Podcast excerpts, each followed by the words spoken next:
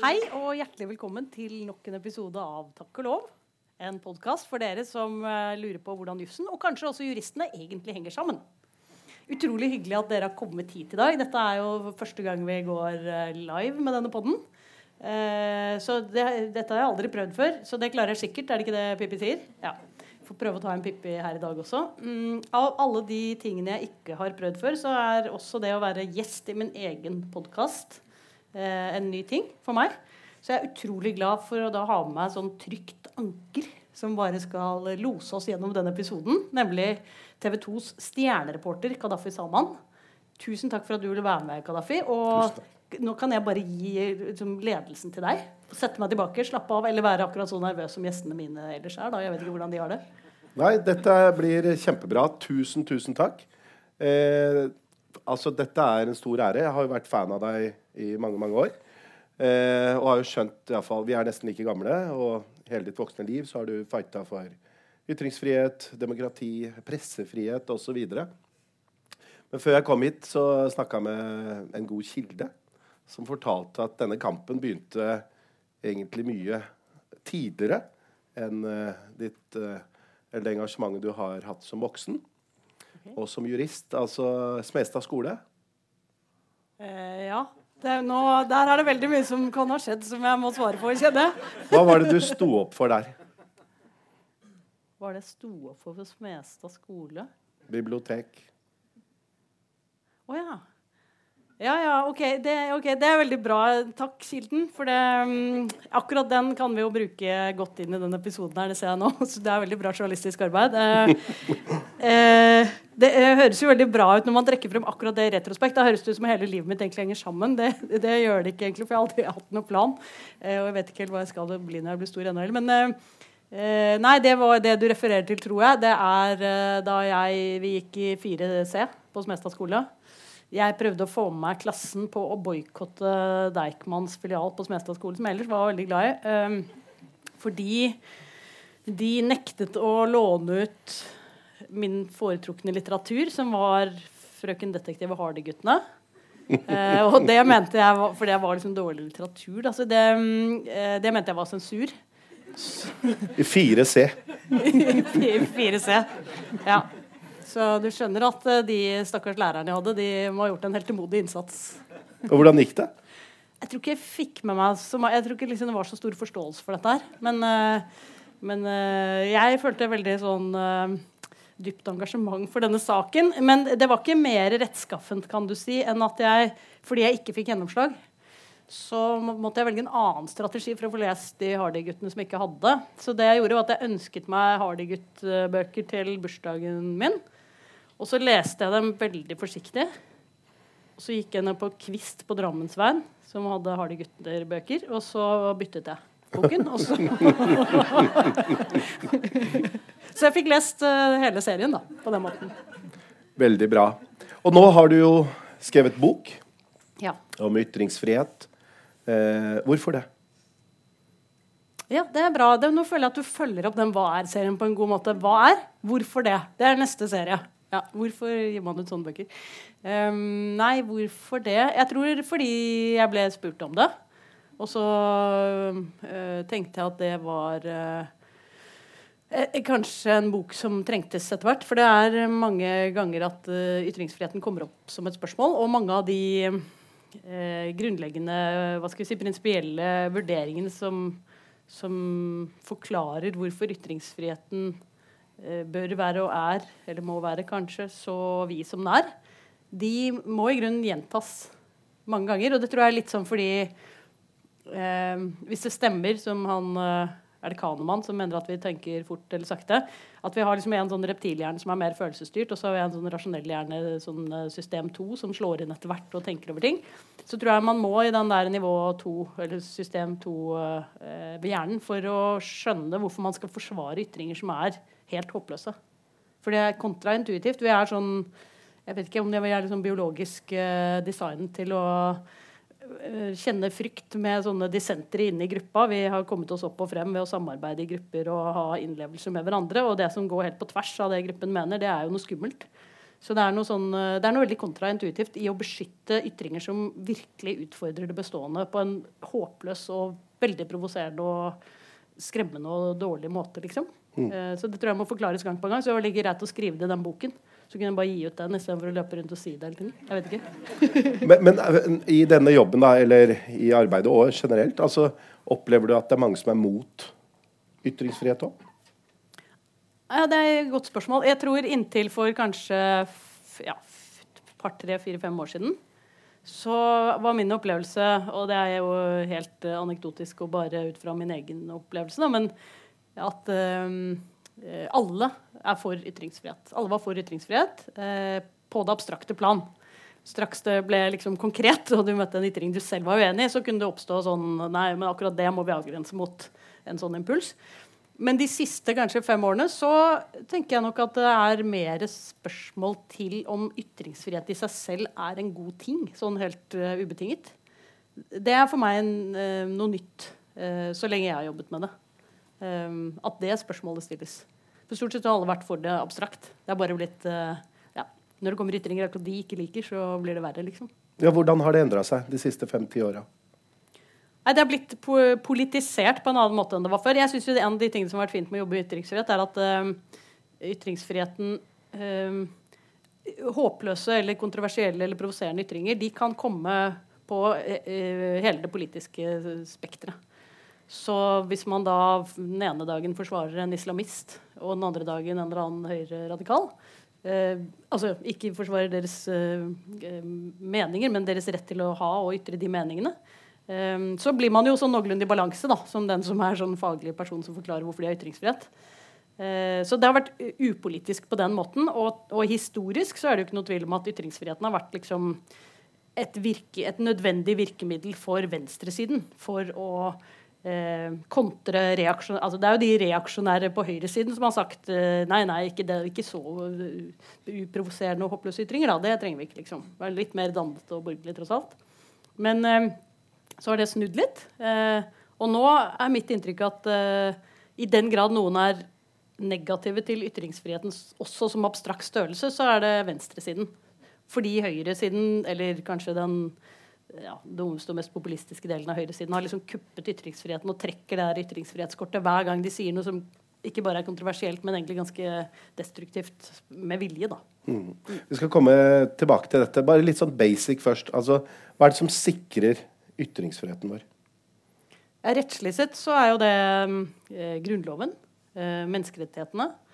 Eh, så den type rettsstatlige garantier, kan du si, som gjør det mulig å si kontroversielle ting, selv om det går på tvers av mye annet. Så har du noen lovgrenser for, eh, for hva det er lov å si.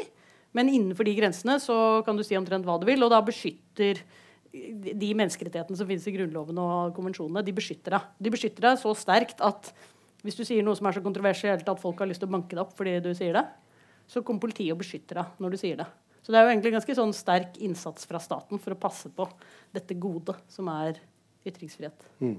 Og det har vært sånn Er det noe endring der i løpet av de siste årene, eller har det alltid vært sånn?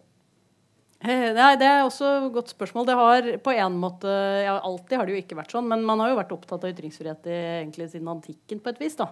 Det er jo ytringer som gjør at Sokrates måtte tømme det giftbegeret, liksom. Um, men det er jo egentlig opplysningstanken som bringer frem altså hvor individet kommer i sentrum igjen, og, og maktkritikk blir en, egentlig en sentral bestanddel i en slags sånn gryende demokratisering. Eh, at ytringsfriheten eh, blir idehistorisk så viktig som den er. Og så kommer den, Det er vel en av de få bestemmelsene som ikke ble noe særlig, nå hadde jeg ikke så mye tid på Eidsvoll uansett, da, men som ikke ble diskutert overhodet. Alle er enige om at det skal være ytringsfrihet i Grunnloven. Og så betyr jo den noe ganske annet på 1800-tallet enn den gjør eh, nå.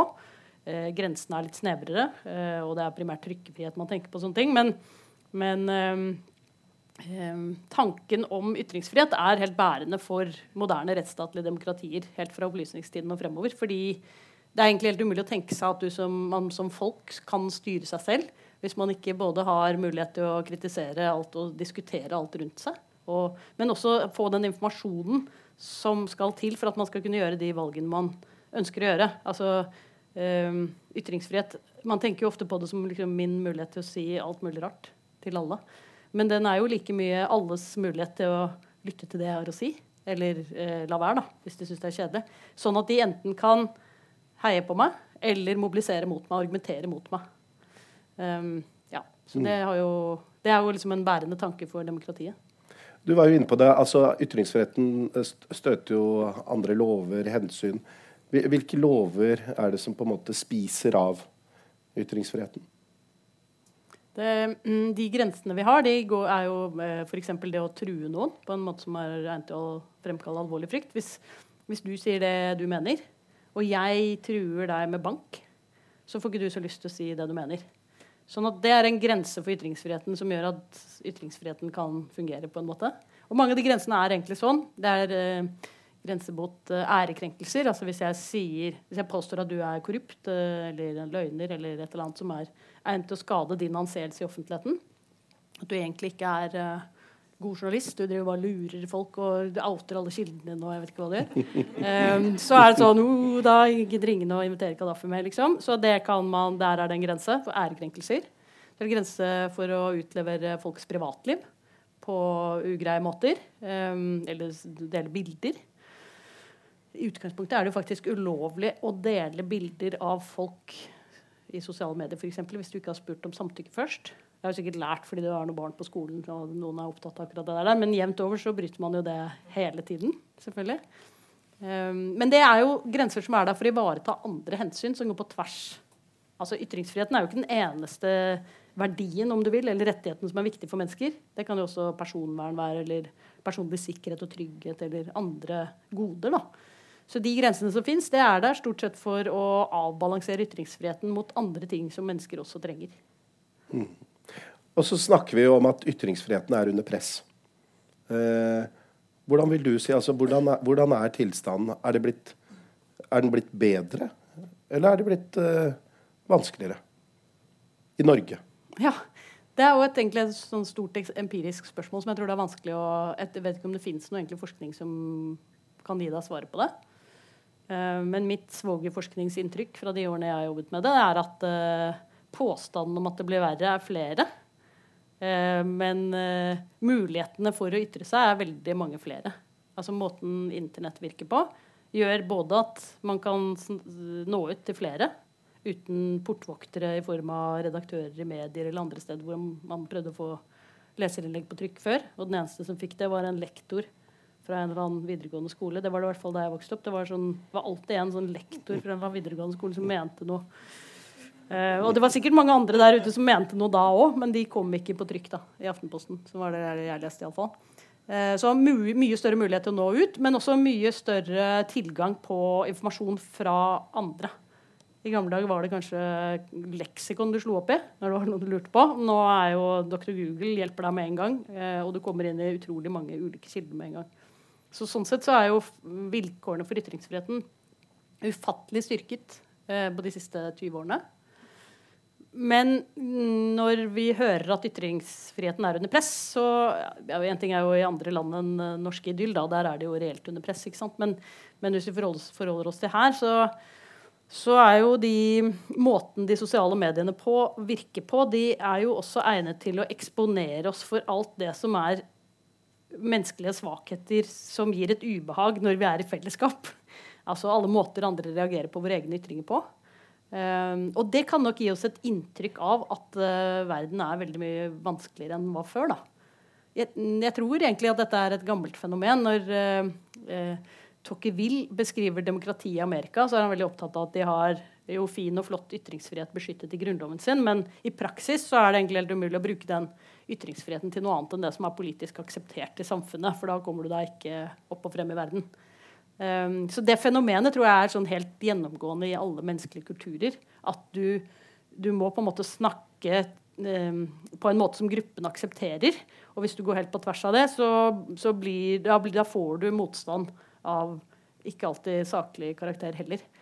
Og inntrykket av den motstanden tror jeg er enormt akselerert med de sosiale mediene. Og også fordi disse algoritmene de premierer jo ikke liksom de sannhetssøkende og demokratiske og nyanserte og lyttende ytringene. De premierer jo sånn følelsesskapende ytringer som gjør at du blir enten veldig sint eller veldig glad. eller et eller annet annet som gjør at uh, det får traction eh, i det som er infrastrukturen for ytringsfriheten nå, i stor grad. da. Ja, hva kan man gjøre? Altså, Er du bekymra for high-tech og, og, de som nå på en måte eh, er portvaktere for ordskiftet? Ja, altså de som er, det er de som er portvoktere for ordskiftet jeg, jeg, tror jo de har eh, Mange av dem egentlig ønsker å bidra til en bedre verden. I hvert fall hvis de kan tjene penger på det selv også. Um, men jeg tror ikke de har tenkt gjennom altså De har på en måte skapt litt sånn Frankensteins monster. De har blitt en slags sånn verdensredaktører uten å ha vært i nærheten av å tenke gjennom alle de problematiske skjønnsutøvelsene som det innebærer, og vanskelige vurderingene som det innebærer hele tiden. Altså dere i mediene vet jo hvor vanskelig det kan være å vite om du skal sette, sende noe eller sette noe på trykk som er av en eller annen kontroversiell karakter. Den type vurderinger tar lang tid og er krevende. Og, øh, og de er jo nå blitt øh, ganget med en, en, milliard. De skjer hele tiden, og de skjer superfort, og du kan ikke moderere dem. Så det er jeg nok øh, litt bekymret for. Men, men, det at ny teknologi gjør at ytringsfriheten øh, hva skal vi si, det å utøve den blir vanskeligere, eller man føler at den er under press, det er jo ikke noe nytt. Det tror jeg egentlig alle sånne teknologiske fremskritt har gjort. Om det var farge-TV, det var veldig skummelt da jeg var liten. Og du, kanskje? vet ikke om du husker Det Det kom kanskje før vår tid, men jeg husker de der diskusjonene som hadde vært om det. Det var sånn Hvor korrupte vi ville bli som befolkning, hvor alt ville gå ad undas liksom, hvis, hvis, det som fantes i svart-hvitt, kom i farger isteden. Um, subversive reklamer var en greie. Det var litt sånn den tidens fake news. Um, men hvis du går til lengre tilbake også, da Gutenberg fant opp trykkpressen, som muliggjorde liksom spredning av ordet, sånn at alle kunne ha direkte tilgang til Gud, som jo kanskje var en fin ting, så var jo ikke det bare en fin ting. Det var jo også muligheten for at uh, masse makt ble utfordret, og at uh, man kom på masse kjetterske tanker som kunne skade samfunnet, sett fra de som hadde makten. Um, så da ble det jo sensur i liksom 300 år før man begynte å tenke at kanskje man skulle se om vi kunne slippe disse tankene fri likevel. Eller det som er gøy, er jo at det ble sensur, og så var det sånn Nei, nei, skal, nå skal vi slutte med den sensuren. I hvert fall i Danmark-Norge. Så var det sånn Nei, nå må vi slippe på den sensuren, sa Struen, sa han eh, danske livlegen. Og så slapp de på den sensuren. Og hva skjedde da? Jo, da skjedde jo det som alle hadde advart mot. Da kom det masse frekke skrifter som bare ikke bidro til noe positivt i det hele tatt. Så da strammet man til igjen. Um, så det at ny, ny, teknologi utfordrer måten vi bruker ytringsfriheten på i praksis, det, det, det tror jeg egentlig er en ny ting. Så jeg er ikke, nei, jeg er ikke sånn dystopisk. Jeg tenker Jeg er kanskje bare veldig naiv idealist, men jeg tenker at um, eh, vi, må bare, vi må bare prøve å feile noen år til. Altså, det gjør vi åpenbart nå.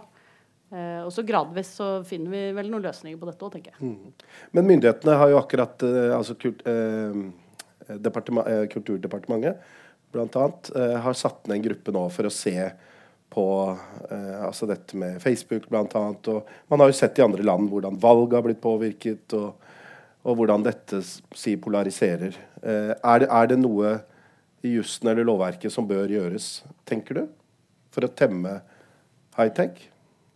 Ja, jeg tror, um, altså jeg, jeg tror uten forsøk på lovgivning og regulering, så tror jeg at uh, den selvreguleringen som egentlig er det som må til, den kommer ikke tidsnok. Altså den, de har jo hatt muligheten til å regulere seg selv ganske lenge. Og det gjør de jo med vekslende hell, vil jeg si. Med både brukervilkår og måten de håndhever det på, og sånne ja, ting de setter inn på å få dempet uh, hatefulle ytringer og sånn. Som jo er egentlig veldig positivt motivert.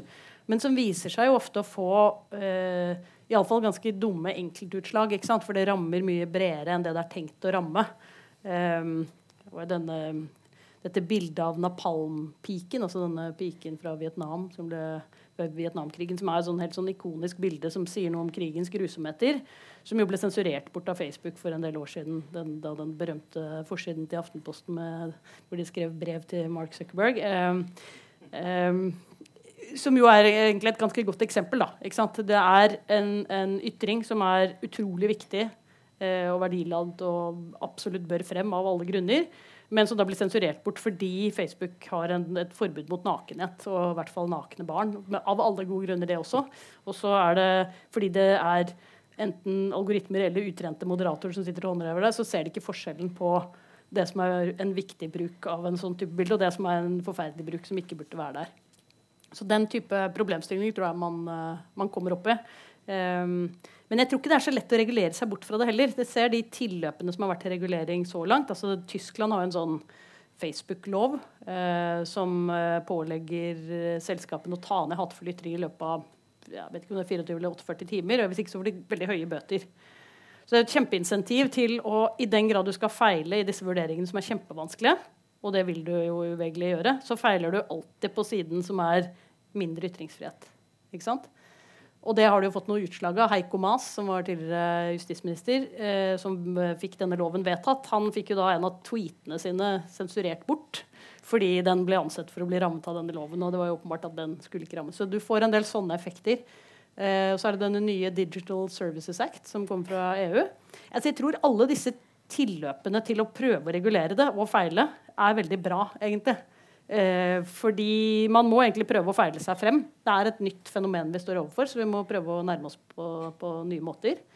Um, men jeg kan ikke se hvordan det vil være lett å regulere dette på en måte som, som skaper god forutberegnelighet. Altså hvis du tenker disse store teknologigigantene mm, de er jo, jeg tror han Timothy Garton Ash, han eh, historieprofessoren fra England, som har sammenlignet dem med katter. Hvis vi er små mus, vi borgerne, og så er statene de er store hunder som er litt trege og lydige. Og lyder f.eks. menneskerettighetskonvensjonene. Så er de kattene de er midt imellom. De sniker seg frem overalt og følger ingen regler og gjør akkurat det som passer dem. Det er en ganske sånn god metafor. Eh, og hvis du tenker deg forskjellen på de teknologigigantene, som til dels har mer makt enn mange mindre nasjoner egentlig etter hvert, så er jo utfordringen der er jo de er jo ikke bundet til noen av de demokratiske rettsstatlige garantiene som ligger rundt den ytringsfriheten vi som borgere har i stater i dag. Vi har en ytringsfrihet som er vernet i Grunnloven, eh, noen menneskerettighetskonvensjoner. Hvis noen griper inn i den ytringsfriheten, så kan vi gå til domstolene. De er uh, uavhengige. Uh, det er noen regler som er forutberegnelige. Uh, avgjørelsene er transparente. Vi kan overprøve dem. Vi kan gå videre opp i domstolshierarkiet. Alle disse rettssikkerhetsgarantiene som ligger der for å ivareta den ytringsfriheten vi har som borger vis-à-vis stat, de er jo borte som borger vis-à-vis teknologiselskap. Altså det er jo måten disse, både Brukervilkårene de virker helt sånn ugjennomtenkt på en del punkter. Måten de håndheves på, er helt intransparent. Vi har ikke noen klagemulighet. Vi aner ikke hvor vi skal gå. Du kommer ikke frem. Prøv å ringe Facebook. Prøv å få med Facebook i en diskusjon. Det skjer ikke, liksom. Med mindre de initierer den selv. Um, så de er på en måte litt sånn i limbo foreløpig. Og hvordan man skal finne ut hvordan man skal regulere det der, det vet jeg ikke helt. Men, uh, men forsøk på regulering og i hvert fall diskusjon av disse spørsmålene tror jeg er helt avgjørende. Mm. Vi har akkurat uh, vært gjennom en pandemi, og som pressemann så vet jeg at det var ikke mange motstemmer i starten. Eh, kritiske spørsmål til myndighetene. Eh, man gjorde det man ble bedt om. Nå er vi vitne til en krig i Ukraina. Hva tenker du, Hvor lett er det å, å være en motstemme? Ja, det tror jeg er veldig vanskelig. og det synes jeg jo um, jeg vet ikke tidlig i pandemien om det var noen som i det hele tatt prøvde å være motstemme. Jeg tror hvis man får en ytre fiende, en trussel, som er så stor at uh, den virker større enn alt annet, så blir verdien av din egen ytringsfrihet mye, relativt sett mye mindre. Det er ikke så viktig å, å drive og, og dessuten føler du ikke ha tid liksom, til å sitte og. Det, det, er jo en av grunnene til at vi i Norge driver krangler så mye, tror jeg. Det er at vi har tid og penger til å gjøre det. Altså, folk flest må jo jobbe. Kan ikke holde på å drive og krangle på Facebook hele tiden. Um, men det ser du jo veldig nå med den, eh, det krigsutbruddet eller den angrepet på Ukraina også. Det er jo hvor raskt man slutter rekkene. Altså Denne driven vi har til konsensus og prøve, det er best med de som er enige med oss og uh, bekrefter det vi allerede mener, liksom. Den blir jo mye sterkere i en krise, krigssituasjon som det vi er i nå. Det gikk jo veldig kort tid fra det krigsutbruddet kom, til en slags hovedøvelse, virket det som, for en del kommentatorer, var å henge de stemmene som hadde vært skeptiske til den amerikanske etterretningen som tilsa at dette kom til å skje.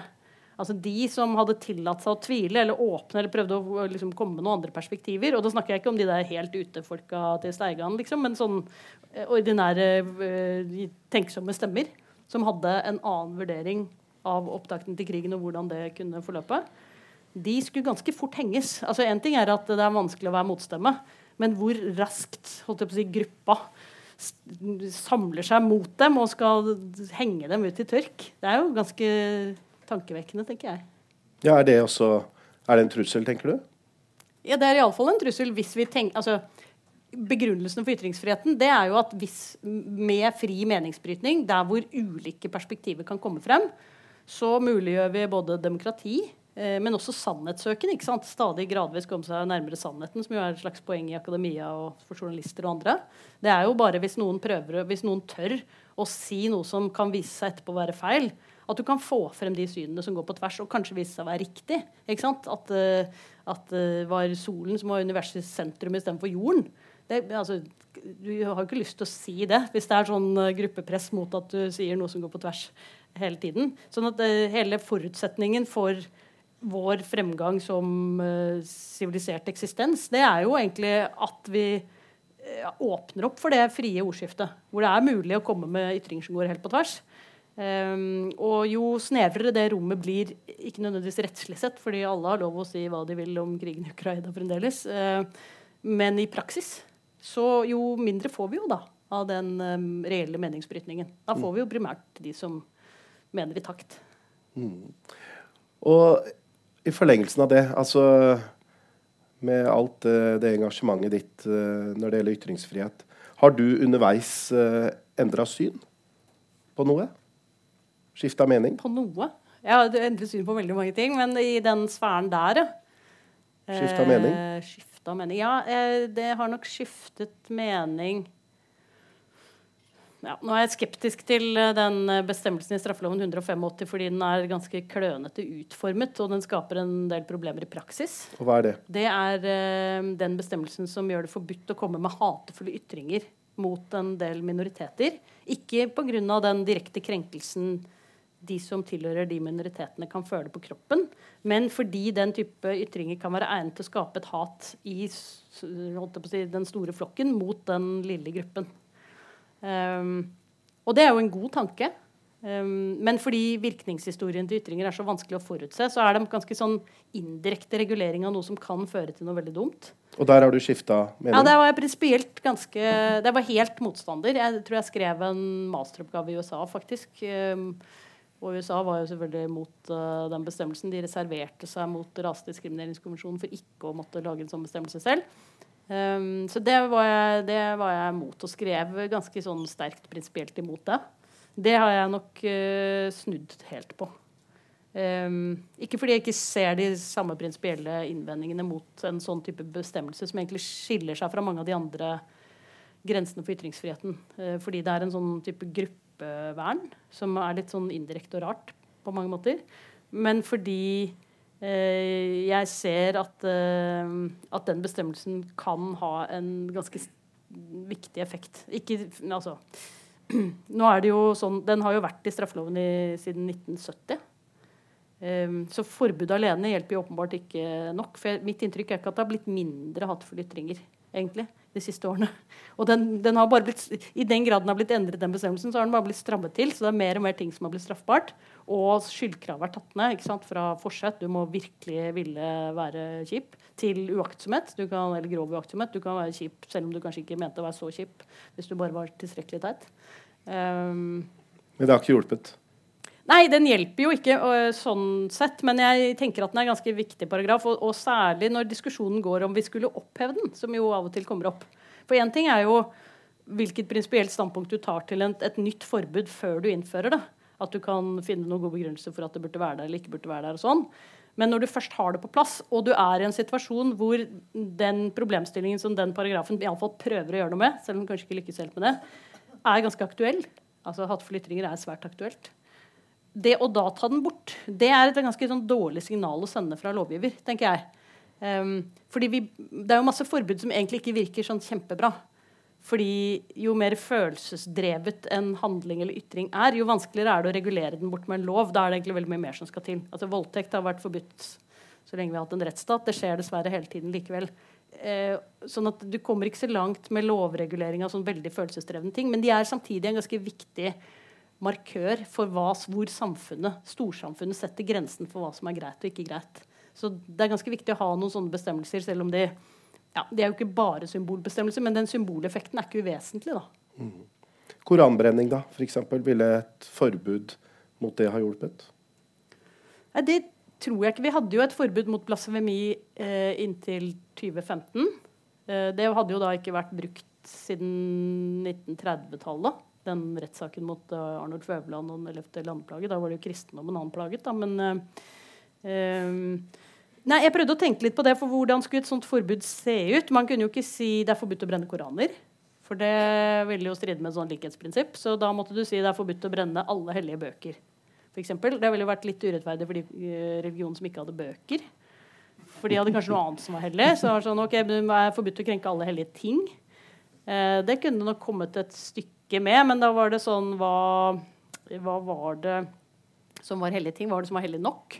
Kunne bli en problemstilling. Og så var det hvis, i et pluralistisk samfunn som vi lever i, med religionsfrihet, hvor egentlig et stort poeng sånn demokratisk er at ulike religioner og ulike meninger skal leve sammen, eller kunne leve sammen, eh, så vil det være vanskelig å vite når det å inneha en religion Hvis jeg var kristen og mente at det var bare den kristne guden som gjaldt, og du var muslim, og det, du mente at det var bare var Allah som gjaldt, så ville jo fort min ytring av min egen religiøse overbevisning være en blasfemisk krenkelse av deg og din religion. Eh, så hvordan skulle disse religionene leve sammen? Um, ja, du kommer opp i en rekke problemstillinger som gjør at det der er ikke så lett å regulere seg bort fra hvis man aksepterer at maktkritikk er viktig. da. Eh, og selv om man ikke aksepterer det, så tror jeg man ville strevd egentlig med å komme i mål med et sånt eh, forbud. Og, og, utforme det på en sånn måte som gjorde at man kunne håndheve det uten å tråkke på en rekke andre eh, verdier samtidig. Mm. Religionsfrihet, f.eks. Woke eh, og kanselleringskultur er også et sånt tema som dukker opp. Hva slags tanker har du om det? Ja, det er for. Nei, ja, det, det er liksom plutselig blitt så vanskelig å diskutere, for det har blitt så politisert, det òg. Sånn, hvis man i det hele tatt mener at uh, kanselleringskultur fins, så er man allerede utdefinert for de som mener at kanselleringskultur ikke fins. Og her er det sånn, litt sånn høyre-venstre-side, som jeg ikke identifiserer meg så mye med uansett. Men hvis kanselleringskultur betyr det å prøve å skape færre stemmer til meningsbrytning, fordi du mener at noen stemmer er så eh, dumme eller krenkende eller feil eller fæle eller farlige at de ikke burde være der, eh, så tenker jeg at det er i grunnen et ganske sånn udemokratisk prosjekt.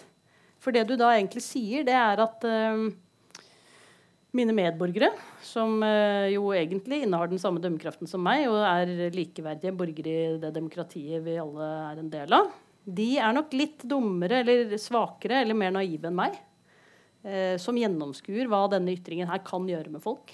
Sånn at jeg eh, antar meg selv den kompetansen som er å si at de ikke burde høre den. For det er jo egentlig det du gjør. Eh, det er jo ikke bare å stoppe den der fyren som du er uenig med, som sier noe dumt.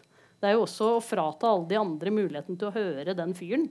Eh, og kanskje bli overbevist om at han har rett, og det ville være leit. da, hvis du synes det er dumt. Eller kanskje blir så frustrert nettopp av det. At det er det som gjør at de aktiviserer seg til å mobilisere mot, argumentere mot og ja, være ordentlige borgere. da. Um, så jeg tenker at den, hvis kanselleringskultur er det, så tror jeg det er uh, en negativ impuls, som for så vidt ikke er noe nytt. Den har alltid vært der. Det er den samme impulsen vi snakket om i sted. Du vil at de ytringene som går på tvers, som du selv er uenig i, de vil at de skal være borte. Fordi du mener at de truer flokken. Eller du tenker jo ikke det, da, for det er litt sånn ubevisst. Men, um, men du gjør deg selv på en måte til overdommer over andre menneskers, dine medborgeres dømmekraft, på en måte som er vanskelig å forene med demokrati. Mm. Betyr det at når du da ser debatter i sosiale medier, og sånt, så opplever du at, at folk da ikke er interessert i å forstå hverandre?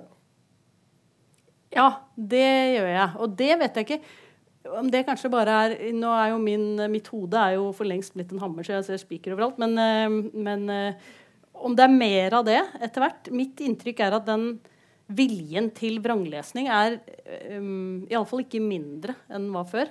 At det virker av og til som det nesten er om å gjøre. Og det er veldig bra med kritisk sans. ikke sant? Så i utgangspunktet er det veldig, veldig positiv ting. Men, men hvis den kritiske sansen gjør at du aldri tar noe for pålydende, og aldri prøver å tolke folk i beste mening, men alltid ser en kanskje sånn skjult agenda bak der, eh, eller plasserer dem i en eller annen leir som du gjør at du bare kan avskrive dem, så blir det jo egentlig veldig vanskelig å diskutere noe som helst. Og dette er akselerert av sosiale medier? Det tror jeg er akselerert av sosiale medier. Altså Hvis du har sånne algoritmer som premierer følelsesgenererende, følelsespremierende ting, så, så skjer jo dette. Det er jo litt sånn ja, Hvis du leser Platon eller det de der amerikanske grunnlovsfedrene er bekymret for Alle sånne at det går for fort, at det når for langt, eh, at eh, gruppene er for store. Alle de tingene som man liksom gjennom uh, århundrer har grublet på og tenkt at disse menneskelige svakhetene må vi prøve å demme opp for med med det maktfordelte demokratiet vårt på en eller annen måte. Alle de tingene er jo egentlig bare samlet i en høyere enhet i måten de sosiale mediene virker på. De, de akselererer liksom alle de dummeste sidene våre hele tiden. Så vi må være utrolig sterke for å klare å stå imot det der, da. Mm. Hvis vi snakker litt om eh, verden utafor Norge. Det er den verden der. Mm. Ja. Hva er det som virkelig gjør deg bekymra når det gjelder dette? Ja, Det er nok hvordan de sosiale mediene virker i mer repressive regimer. For da blir de jo medløpere for de repressive regimene. Altså, det er jo det Maria Retza, hun, um, nobelprisvinneren, har advart så sterkt mot. Og som du ser i veldig mange sånne regimer, det er jo at makthaverne bruker jo altså, er, Vi beskytter jo ikke ytringsfriheten fordi vi ikke skjønner at makthavere kan misbruke den makten som ytringsfrihet gir. Vi beskytter det jo fordi det er helt umulig å tenke seg at de undertrykte kan komme seg opp og frem uten ytringsfrihet. Men med den akselerasjonen du får av alle de misbruksmulighetene som sosiale medier gir, så er det jo de fremste til å gripe det, er jo de repressive regimene. Som kan bruke dem til å ytterligere undertrykke og overvåke sin egen befolkning. Med til dels Facebooks hjelp. Da. Og hvor, hvor er det verst nå? Nei, det vet jeg ikke. Men uh, ja, nå er Russland er jo et helt eget uh, system nå, da, for det er jo bare avstengt på et vis. Um, men jeg, nei, jeg vet ikke hvor det er verst. Men det er ille mange steder. Det er Myanmar, det er, ja, det er mange eksempler. Mm. Og Norge, da? altså Hvis vi skal runde av på en måte tilbake til det med ytringsfrihet under press. Hvor er det på en måte ja, det er verst, eller hvor må man gjøre en innsats? Um, jeg, jeg tror kanskje Nei, det er, det, er, det er, jo mange problemer. Altså, det at unge politikere trekker seg fra politikken fordi ordskiftet er så hardt, er selvfølgelig et stort demokratisk problem. Eh, eller en trussel mot demokratiet, som det står i PSTs eh, trusselvurdering. Da er det jo kommet et stykke opp på vei. Men eh, jeg tenker at en av de utfordringene som det ikke snakkes så mye om, det er jo kanskje særlig offentlig ansattes ytringsfrihet. Altså hvor mye kunnskap som sitter rundt omkring i alle etater og steder vi finansierer med skattepengene våre, som er der for å forvalte den kunnskapen på våre vegne, og gjør det veldig godt inn i sitt eget virke. Men hvorfor ikke mer av den eh, kunnskapen kommer eh, de brede offentlighetene til gode? Eh, det er både et problem for de offentlig ansatte som egentlig hadde lyst til å si noe, kanskje kritisk om sin arbeidsgiver, om det var i skolen eller på sykehusene eller kommunen eller hvor det var. men men ikke minst for oss, altså demokratiske borgeres mulighet til å orientere seg eh, demokratisk om som, hvor skoen trykker i samfunnet. Da. Hvis de som sitter og er nærmest på de problemstillingene og vet mest om dem, ikke deler den kunnskapen og innsikten de har, hvordan skal vi da eh, vite hvem vi skal stemme på? Det var en lærer som sa noe om pride. Ja. Var det i går? Ja, det tror jeg. Men det er sjelden. Altså, det er mer av sånt. Ja, og Du ser jo hvordan han har fått gjennomgå i alle sosiale medier i dag. Det, han er jo idiotforklart. Altså, jeg har jo seriøse akademiske kolleger som idiot, altså med ordet idiot idiotforklarer sånne ytringer. Det blir ikke så veldig god ytringsfrihet av det. altså. I hvert fall ikke sånn ytringskultur sånn i praksis. Eh, det kan godt hende man eh, eh syns at det der var, var et helt idiotisk utsagn. Forklar hvorfor det er dumt, da. Og forklar hvorfor det vi, med hvilke argumenter har du eh, som, som, kan eh, få ham på bedre tanker, eller få de som syns at det var faktisk et godt poeng, og helt på overtid at noen sa det, eh, få dem til å få et litt bredere innblikk i problemstillingen. Mm. Men hvis flere ansatte for i staten og etater og skulle si det de mener, hvordan er det opp mot altså, ytringsfrihet, taushetsplikt? Ja, sånn, ja. Eh, nei, taushetsplikt eh, begrenser deg jo helt. Eh, og så har du lojalitetsplikt. Og den lojalitetsplikten er veldig viktig, for den er jo muliggjør jo at du gjør jobben din. Eh, eh, så du kan ikke liksom, hvis du jobber i et togselskap eh, og er inne i en ombudskonkurranse, forklare til, til konkurrerende selskap hva, hva, de hemmelighetene eller hva de tilbudene du driver gir, er. Så det er, det er masse grenser for hva du kan si som arbeidstaker. Men, men det som finnes av undersøkelser, viser jo at både arbeidsgivere og arbeidstakere tror at den lojalitetsplikten strekker seg mye lenger enn den gjør, og tror at ytringsfriheten er mye snevrere enn det den er. Og selv de som vet bedre, altså flinke jurister i departementene og rundt omkring, de sier jo at eh, vi vet jo at vi har, lov å si dette her, og at det egentlig er ganske viktig, men det vil vi aldri drømme om å gjøre. For det er jo ikke kulturen her. Um, og det er mye bra med den holdt jeg på å si, lojalitets... Ikke lydighets, men lojalitetskulturen som er uh, i forvaltningen. Men den gjør jo også at uh, man begrenser seg mye mer enn det man må. Det rommet for å dele kunnskap er ufattelig stort i forhold til det rommet som fylles. Tusen takk, Anine. Det har vært uh, veldig lærerikt. Veldig gøy. Har du noe avsluttende appell? Nei, jeg må bare si tusen takk til deg. Det var uh, jeg, Av og til så lurer jeg på om jeg skal overlate noen av episodene til deg. Jeg synes du er du, Jeg stiller opp. Du, du forløste iallfall alt jeg hadde lyst til å si, som jeg ikke hadde tenkt på på lenge. tusen, tusen takk. Og så må vi bare avslutte med å si tusen takk til dere lyttere uh, som fulgte oss i, også i denne episoden her. Og så må vi si Velkommen tilbake i neste sesong. Er det, det blir en sesong til? Hvordan er dette? Ok, vi kommer til det. Hvis det blir en neste sesong, og det skal vi få høre i, eh, i del to av denne podkasten, som begynner straks, så håper jeg vi høres. Og hvis vi ikke gjør det, så har det vært ufattelig hyggelig å ha dere med på følge så langt. Så takk for det.